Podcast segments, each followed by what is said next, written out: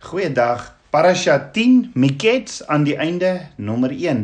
Ons gedeeltes vir hierdie week is in die Torah Genesis 41 vers 1 tot Genesis 44 vers 17 in die Haftara 1 Konings 3 vers 15 tot 1 Konings 4 vers 1 in die Bridesha Lukas 24 vers 13 tot 34 1 Korintiërs 1 vers 1 tot 1 Korintiërs 2 vers 5 en dan Romeine 10 vers 1 tot 13.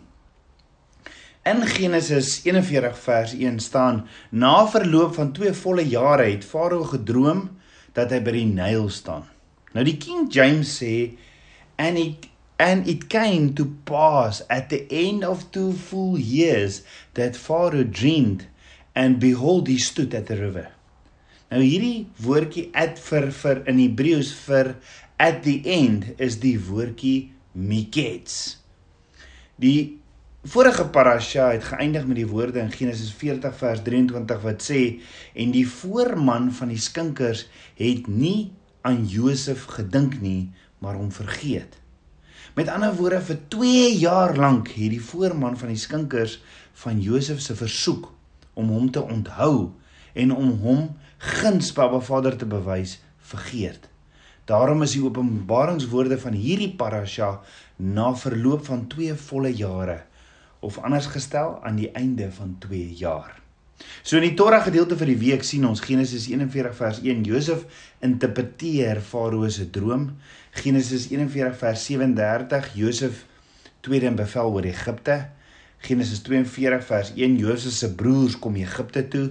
Genesis 42 vers 23 tot 25 vergifnis. Genesis 42 vers 46 Josef se broers gaan terug Kanaan toe en dan Genesis 1 uh, 43 vers 1 Josef se broers kom weer na Egipte toe met Benjamin en dan Genesis 44 vers 1 Josef hou Benjamin aan. Die gedeelte in die parasha vir die week wat saam bestudeer word sien ons behels Salomo se verstandige oordeel dan die gedeelte in die parasha vir die week wat ook saam bestudeer word ehm um, behels in Lukas saam met Yeshua op pad na Emmaus toe 1 Korintiërs 1 ehm um, daar mag nie verdeeldheid wees nie en dan 1 Korintiërs 1 vers 18 die kruis getuig van Abba Vader se wysheid en Romeine 10 vers 5 verlossing is daar vir almal. Die gebeure in hierdie parasha is propvol profetiese betekenis. Daar's 'n Hebreëse woord wat 3 keer in hierdie gedeelte of parasha voorkom naamlik yakats wat beteken word wakker. Jakat sou ook sterk verband met die woord kets wat ons in die eerste vers vind. Die woord jakats staan in Genesis 41 vers 4, vers 7 en vers 21. En hoeveel keer lees ons nie in die woord dat daar staan word wakker en staan op nie? Mag dit ook ons ervaring hierdie week wees wanneer ons hierdie gedeelte of parasha lees. Nou Josef se geskiedenis is bevestiging dat Abba Vader altyd in beheer is. Al lyk dit uit menslike oogpunt nie altyd so nie. Josef se lewe is nie vir ons 'n bewys van Abba Vader se onverdiende guns. Josef se lewe is vir ons 'n bewys van Abba Vader se onverdiende guns en dat sy plan nie van stryk gebring sal word deur ons eie tekortkominge of ons of selfs ons omstandighede nie. Die geskiedenis van Josef is ook bevestiging dat Abba Vader se tydsplan volmaak is en dat ons as mense nie altyd die groter prentjie van Abba Vader se plan sien of verstaan nie. En Romeine 8 vers 28 sê en ons weet dat hulle dat vir hulle wat God liefhet, alles ten goeie meewerk vir hulle wat na sy voorneme geroep is. En ons sien dis presies wat met Josef in sy lewe gebeur het. Ons het in die vorige parasha gesien Josef was 17 jaar oud toe hy twee drome van Abba Vader ontvang het. En toe hy as 'n slaaf verkoop is deur sy broer wat sy broers wat so jaloers op hom was. Nou op die ouderdom van 30 nadat hy vir so wat 10 jaar in die tronk was, gebeur daar nuwe dinge wat verband hou met die drome wat Abba Vader vir hom gegee het en te midde van alles wat met hom gebeur het. Farao het hierdie drome gekry in Genesis 41 vers 1 tot 9 sê na verloop van 2 volle jare het Farao gedroom dat hy by die Nyl staan en kyk daar kom sewe koeie uit die Nyl uit op wat mooi van aansien en vet van vleis was en hulle het gaan wei in die rietgras. En kyk, na hulle kom daar nog sewe koeie uit die Nyl uit op wat lelik van aansien en maar van vleis was en hulle het by die ander koeie op die wal van die Nyl gaan staan. En die koeie wat lelik van aansien en maar van vleis was, het die sewe koeie wat mooi van aansien en vet was, opgeëet. Toe het Farao wakker geword en hy het weer aan die slap geraak en nog 'n keer gedroom en kyk, sewe vet en mooi are skiet op aan een steel en na hulle sprei daar sewe are uit wat maar en deur die ooste wind verskroei was. En die maar are het die sewe vet en vol are verslind. Toe het Farao wakker geword en kyk dit was 'n droom. Die môre was sy gees onrustig en hy het al die towenaars en al die wyse manne van Egipte laat roep en Farao het aan hulle sy droom vertel. Maar niemand kon dit aan Farao uitlei nie. Toe het die voorman van die skinkers met Farao gespreek en gesê ek moet vandag my sondes in gedagtenis bring. Met ander woorde hier onthou die skinker vir Josef wat hom 2 jaar terug gehelp het om sy droom te ontleed. En dan sê Genesis 41 vers 14 toe toe laat Farao Josef roep en hulle het hom gou uit die gevangenis uitgehaal en hy het hom geskeer en ander klere aangetrek en hy het by Farao gekom. Dan sê Genesis 41 vers 37 tot 38 verder en die woord was goed in die oë van Farao en van al sy dienaars. En daarop het Farao aan sy dienaars gesê: "Kan ons wel iemand vind soos hierdie man in wie die gees van God is?" Let wel 'n ongelowige Farao identifiseer die gees van Abba Vader in Josef en Genesis 41 vers 39 tot 44 sê en Farao sê vir Josef aangesien God dit alles aan jou bekend gemaak het is daar niemand verstandig en wys soos jy nie. Jy moet oor my huis wees en na jou bevel moet my hele volk hulle skik. Elkeen deur die troon sal ek groter wees as jy alleen deur die troon sal ek groter wees as jy. Verder het Farao vir Josef gesê: "Kyk, ek stel jou aan oor die hele Egipte land." En toe trek Farao sy seelring van sy hand af en sit dit aan die hand van Josef en hy het hom fyn linne klere laat aantrek en die goue kettinge om sy hals gehang en hom laat ry op sy tweede rytuig en hulle het voor hom uitgeroep: "Pas op!" sodat hy hom dan oor die hele Egipte land aangestel. En Farao sê vir Josef: Ek is Farao, maar sonder jou mag niemand sy hand of voet in die hele Egipte land verroer nie. Met ander woorde, Josef gaan slaap die aand in die tronk. Hy word wakker in die tronk. Hy word geroep na Farao in die paleis. Maar Josef het nie geweet waarvoor nie. En Josef word oornag tweede in bevel van die hele Egipte. Net so. Maar Vader wil ook vandag vir jou sê, my kind, dalk was jy verkoop deur jou eie broers of familie as 'n slaaf. Of dalk was jy soos Josef vir jare 'n gevangene. Maar Ba Vader sê, my kind, jou verhoging of jou genesing kom oornag. Ja, oornag kan jy die bestemming van die droom wat Abba Vader vir jou het, instap. Is jy reg? Abba Vader kan oornag vir jou sy autoriteit gee. Maar as jy die bestemming van die droom instap soos Josef, moet jy weet, dis nie waar die vyand stop nie. Daar gaan nog steeds verseker uitdagings wees. Die vraag is, hoe gaan jy reageer as jy Abba Vader se droom instap as Abba Vader vandag vir jou sy autoriteit gee? Jy sien so baie mense verstaan nie dat jy sal getoets word as jy by die bestemming van Abba Vader se droom vir jou lewe kom nie. Baie van ons kan die tronk of die slaafposisie deurstaan want ons spandeer soveel tyd daar, maar as Abba Vader jou vandag autoriteit gee soos Josef, wat gaan jy doen met sy autoriteit? Of wat gaan Abba Vader se autoriteit aan jou doen? Dit klink dalk vir jou half onmoontlik, nê? Nee. Maar kan jy Abba Vader se autoriteit hanteer as dit ewe skielik oornag kom? Dink gou hieroor. Veronderstel daar's 'n persoon genaamd meneer X wat by die by die kerk vrywilliglik werk doen. En sy passie is om die kinders te bedien. Ja, meneer X het 'n passie om kinders te bedien met Abba Vader se liefde en hy's waarlik 'n instrument in Abba Vader se hande. Dit was nog altyd meneer X se droom om hoof oor die kinderbediening te wees. Dit wat meneer X egter nou doen is amazing en al die kinders is mal oor hom en die ouers waardeer hom so so baie. Maar op 'n dag besluit die ouderlinge van die kerk, kom ons maak meneer X die hoof van die kinderbediening en en maak toe met meneer X 'n afspraak en sê toe vir hom: "Meneer X, dankie so baie vir jou diensbare hart by die kinderbediening. Jy is waarlik 'n instrument in Abba Vader se hande en daarom het ons gedink om by jou te hoor of jy nie die hoof van die kinderbediening sal wees nie."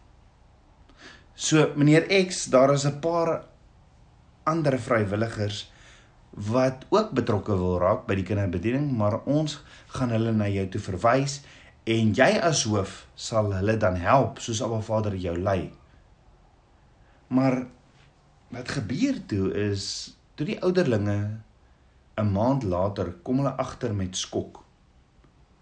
Later sien hulle meneer X het in gebied almal dat niemand wat vrywilliglik wou help in die kinderbediening meer daar wil betrokke wees nie.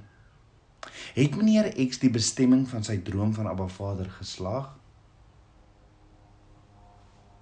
Want iets het verander toe hy die nuwe posisie gekry het, is dit nie? So kan ek vra, waar kom my en jou voorspoed, ons bevordering of autoriteit vandaan? Psalm 62 vers 11 sê een ding het God gespreek. Twee is dit wat ek gehoor het, dat die sterkte, die krag en mag aan God behoort alle mag en krag kom van Abba Vader af. Dan sê Paulus in Romeine 13 vers 1 laat elke mens hom onderwerp aan die magte wat aan hom gestel is want daar's geen mag behalwe van God nie en die wat daar is is deur God ingestel. Onthou ook toe Yeshua voor Pilatus staan en Pilatus sê vir Yeshua in Johannes 19 vers 10 praat u nie met my nie weet u nie dat ek mag het om u te kruisig en mag het om u los te laat nie Is hierdie nie net so snaakse vers na Vader se woord nie? Want Pilatus sê vir die skepper van die heelal, weet jy nie dat ek mag het om u te kruisig en mag het om u te los te laat nie? Maar hoe reageer Yeshua? Yeshua antwoord en sê: "U sou geen mag teen my hê as dit u nie van bo gegee was nie." Jy sien onbevordering of autoriteit van Abba Vader te ontvang gaan nie daaroor dat ek 'n amazing wonderlike en 'n pligsgetroue mens is nie. Nee. Dis ook nie om net te sê dis alles Abba Vader nie, want ek kan nie op die rusbank van die lewe sit, niks doen en verwag Abba Vader gaan my bevorder of autoriteit gee nie. Nie om bevorder te word of om autoriteit van Abba Vader te ontvang is om te verstaan Jy het gekies om saam met Abba Vader in verbond. Hy is die groter verbondsvernoot. Jy die kleiner verbondsvernoot saam met hom te wandel. Om hom te shema, Heer, listen nou by. Te doen wat hy sê en toegee. Abba Vader vir jou hierdie bevordering en autoriteit soos wat hy jou geseën het. Met ander woorde, daar was 'n beloning in jou gehoorsaamheid. Maar let wel, soos Josef weet sonder Abba Vader se teenwoordigheid, sy krag en autoriteit, sal jy dit nooit kan doen nie. En eintlik al wat jy kan doen is jy reageer. Jy gee rentmeesterskap en jy verstaan Abba Vader se beginsel oor autoriteit. Jy verstaan Abba Vader se beginsel van nederigheid en diensbaarheid en weet Abba Vader gee sy autoriteit en bevordering soos hy wil want alle bevordering, alle mag en alle autoriteit kom van Abba Vader af. Dan hoor wat leer Abba Vader ons in sy woord. Die begeerte vir Abba Vader se autoriteit en bevordering kom ook van Abba Vader af. As jy 'n begeerte het vir Abba Vader se autoriteit of bevordering, dit kom van Abba Vader af. Maar die vyand kom verdraai dit soms net na 'n selfsugtige en 'n selfgesentreerde begeerte, maar die oorspronklike suiwer begeerte vir goddelike bevordering of autoriteit kom van Abba Vader af. Kan ek jou vra, is jy reg om soos Josef oornag bevorder te word of om autoriteit van Abba Vader te ontvang? Dink gou daaroor. Hoekom het Abba Vader vir Josef autoriteit gegee? Nie dat Josef nog veel kleurige rokke vir homself moet koop nie. Nee. of dat hy hierdie myn peanut in die pakkie van die peanuts is dat almal voor hom moet buig nie. Nee. Abba Vader het vir Josef mag en autoriteit gegee sodat hy duisende van Abba Vader se kinders uit hongersnood kan help. Abba Vader het Josef mag en autoriteit gegee sodat Josef 'n seun vir Abba Vader se kinders kan wees. Josef het dit verstaan en het sy bevordering en autoriteit reg gebruik. Presies vir Abba Vader se verlossingsplan vir sy kinders. Met ander woorde, ons moet verstaan daar's 'n regte begeerte en 'n goeie begeerte wat van Abba Vader afkom vir goddelike autoriteit en bevordering. Yeshua sê in Matteus 20 vers 26: Elkeen wat onder julle groot wil word, moet julle dienaar wees. En elkeen wat onder julle die eerste wil word, moet julle diensknegt wees. Yeshua het nie gesê die wat groot wil wees en wat eerste wil wees is verkeerd nie of het verkeerde motiewe nie. Nee, Yeshua sê as iemand groot wil wees in die koninkryk van Abba Vader, laat hom 'n dienaar wees. 'n Dienaar daar waar jy voete was, want dis wat Yeshua ons kom leer het. 'n Dienaar waar niemand vir jou kyk of waar jy geen eer kry by mens nie.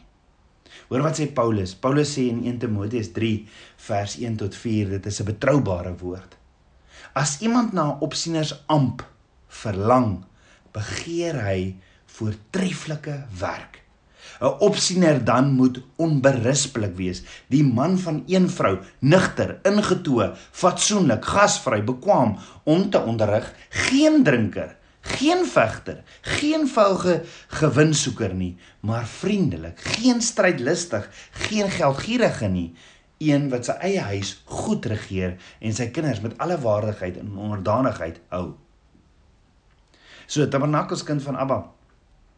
As jy goddelike autoriteit begeer of bevordering vir die regte rede, is dit nie verkeerd nie, want alle mag kom van Abba Vader af. Hoekom nie vandag vir hom vra om oornag vir ons daardie autoriteit te gee in 'n duister, duister land nie, want Yeshua sê die oes is groot, maar die arbeiders is min. Kom ons bid saam. Aba Vader, koning van my hart, Vader ek loof en ek prys U. Vader, U is my pottebakker, vorm my en vou my net soos U wil. Was my met die waterbad van U woord en kom leef in my.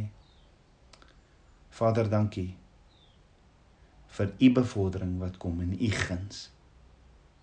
All for your glory. Meer en meer van u Papa God en van u verborgde manne. Ek bid dit alles in Yeshua Messie se naam, die seun van Jahweh. שלום.